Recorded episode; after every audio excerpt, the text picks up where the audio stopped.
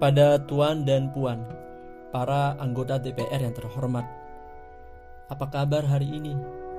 Sepertinya tak sebaik biasanya kan? Sama, di sini pun begitu. Kita semua sedang diuji. Hidup memang tak selalu baik kan? Seperti kali ini, Tuan dan Puan lebih banyak kerja di rumah. Kalau dilihat dari sidang atau rapat terbuka di gedung parlemen DPR, Kelihatannya sih banyak parlemen yang kosong. Eh, biasanya banyak kursi yang kosong juga kan ya. Tuan dan Puan, anggota DPR yang terhormat, saya perhatikan parlemen-parlemen negara lain fokus melawan corona. Tapi rasa-rasanya isu yang keluar dari Senayan belakangan kok kebanyakan terlihat tidak membahas corona ya. Kami malah membaca DPR bersemangat membahas isu-isu yang lain. Contohnya, rancangan Undang-Undang Cipta Kerja yang banyak ditolak karena dinilai mementingkan investor asing di atas kebutuhan pekerja.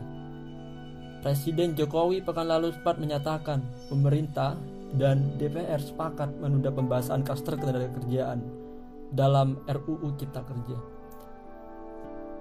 Klaster ketenagakerjaan ini memberi kesempatan untuk mendalami substansi dan mendapat masukan dari berbagai pihak. Berbagai pada alasan itu sudah seharusnya klaster lain dalam RUU Cipta Kerja harus ditinjau ulang. Karena yang lain bukan tanpa masalah, terutama dari perspektif lingkungan dan keadilan gender.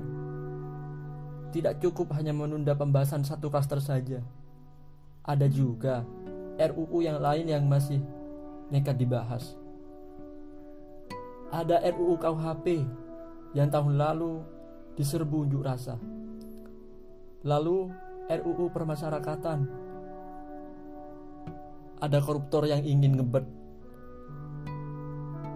Bebas kah? Halo, apa kabar Pak Dewan?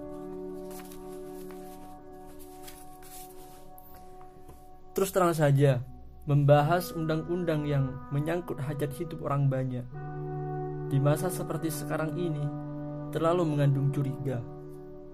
Gara-gara pandemi yang pada jatuh cinta saja berani menunda nikah kok. Ini di PR kok baru-baru banget ya. Kok kayak dikejar setoran. Tidak ada undang-undang yang tidak penting semua penting. Justru karena undang-undang penting, aneh jika pembahasannya diseriusi di waktu yang sekarang ini.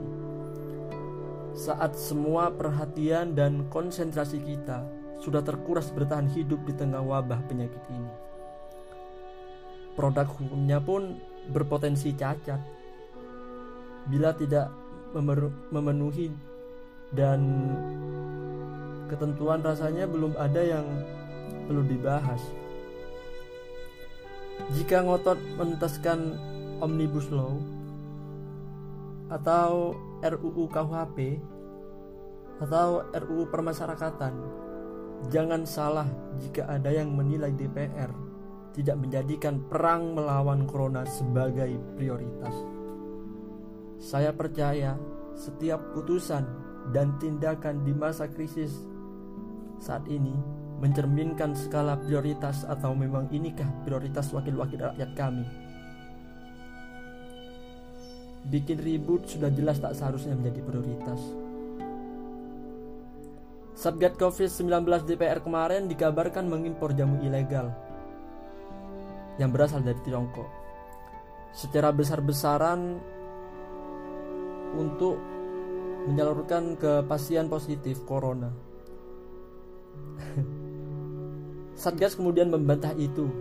Katanya, jamu ini diproduksi di Jakarta dan merupakan sumbangan wakil ketua DPR RI yang kemudian disalurkan secara gratis ke berbagai rumah sakit. Dikabarkan juga jamunya mengandung bahan berbahaya dan belum terbukti klinis. Satgas lagi-lagi membantah Katanya sedang proses mendapatkan izin edar Badan Pengawas Obat dan Makanan.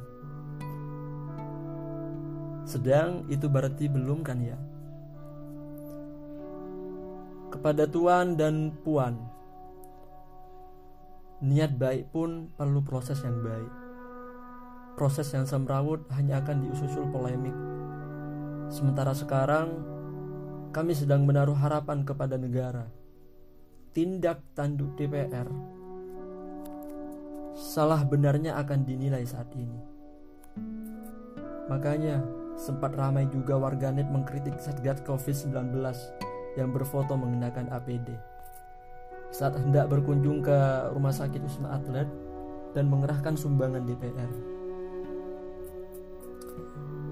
Tindik, tindakan ini dinilai melukai hati masyarakat. Tenaga, tenaga medis kita saja bertaruh nyawa loh. Tidak ada yang meragukan jumlah sumbangan DPR. Kami yakin pasti banyak. Namanya juga DPR. Beli suara, beli suara rakyat aja mampu, apalagi beli jamu. Tapi ini soal rasa dan empati.